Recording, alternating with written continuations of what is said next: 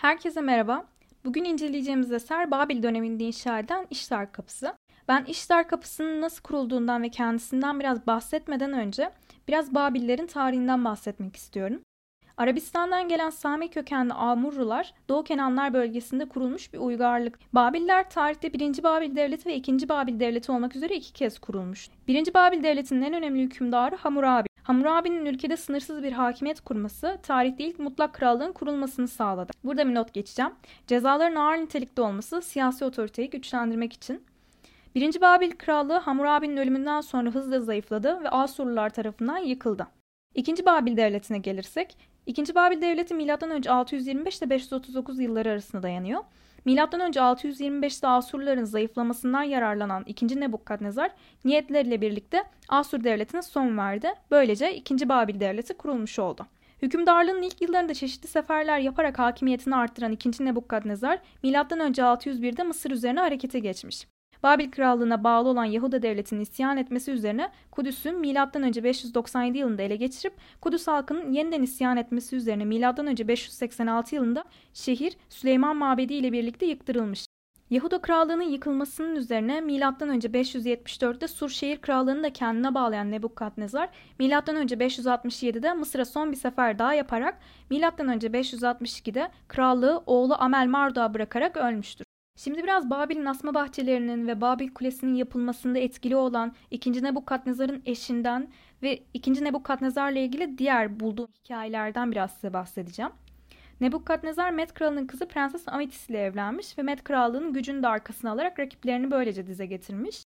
Med kralının kızı Prenses Amitis'in ülkesi yeşil, engebeli ve dağlıkmış Nebukadnezar karısı Amitis'in sıla hasreti çekmemesi için Babil'in başkenti Ninova'da yapay dağlardan ve suların akacağı büyük bir terası olan Babil'in asma bahçelerini yaptırmış. Babil'in asma bahçelerinin bir temsili fotoğrafı üstünden size tarif edeceğim bahçeyi. Önce dışını söylüyorum. Dışı böyle üst üste bindirilmiş tek katlı kaleler gibi duruyor.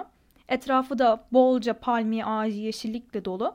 Ve kapısının girişinde tanrıları olduğunu düşündüğüm 3 farklı figür var. İçerisi ise yani biraz böyle millet bahçesi havası olan ortasında bir çeşmesi, etrafta çeşit çeşit çiçekleri olan ve uzun 2-3 ayrı yere açılan merdivenleri olan bir bahçe. Öncelikle karısının sıla hasreti çekmemesi için yaptırılabilecek kadar güzel, yeşil ve ferah duruyor. Sonrasında Babil'in kulesine geçersem, Babil'in asma bahçeleri içinde bulunan ve Tanrı'ya ulaşmak veya daha yakın olmak amacıyla Tanrı Marduk adına inşa edildiği düşünülen 7 katlı ve 90 metre yüksekliğinde olduğu söylenen bir kule. Sanki böyle her tarafında çifter çifter kapısı olan ve yukarıya doğru böyle rengi değişen sanki tahrip olmuş da sonradan yeniden bir restorasyon yapılmış gibi duran bir kale. Açıkçası biraz Roma'da bulunan Kolezyum'u andırıyor görüntüsü. Siz de bu temsili fotoğraflara bakarsanız anlayacaksınız zaten. Babil'in kulesi ve Babil'in asma bahçelerinde çok uzun kalmıyorum ya da eserlerim olarak seçmedim onları. Çünkü Günümüze ulaşmadıkları için sizler isimlerini arattığınızda birden fazla temsili resimleri çıkacak ve hepimizin tek bir resimden inceleyerek yorumlayabilmemizi istiyorum ben bu seride. O yüzden onları almadım. Şimdi Nebukadnezar'ın gördüğü bir rüya efsanesi var. Oradan devam ediyorum. Bir gece ikinci Nebukadnezar bir rüya görür ve onun etkisinden bir türlü kurtulamaz. Rüyada gördüğü şey kentin ortasında yükselen görkemli bir heykeldir. Heykelin başı Nebukadnezar'ın başıdır ve altındandır. Gövdesi gümüşten, eteği bronzdan, bacakları demirden, ayakları ise kildendir. Bunun ne anlama geldiğini merak eden ikinci Nebukadnezar, rüyanın anlamı için kendisine kahinler getirilmesini ister. Kahinler rüyanın anlamını korkularından Nebukadnezar'a söyleyemezler. Tevrat ve İncil'de de adı geçen kahin Daniel, krala rüyasının anlamını yorumlar. Bu anın bir resmi de vardı. Kalibara şövalyesi olarak da bilinen Mathieu Pretty'nin 17. yüzyıla ait Daniel Nebukadnezar'ın rüyasını yorumluyor adlı yağlı tablosu. Bunu da inceleyebilirsiniz. Daniel rüyasını yorumladığında Nebukadnezar'a şunu söylüyor. Kent bir gün yakılıp yıkılacak ve halkın çok büyük acılar çekecek. Bu rüyanın üzerine Nebukadnezar depresyona girmiş ve sonunda aklını oynatıp sarayın bahçesinde hayvanlar gibi otlamaya başlayıp en sonunda da ölmüş. Yani yataklara düşüp ölmüştür. Niye bahçeye çıkıp hayvanlar gibi otlamaya başlasın?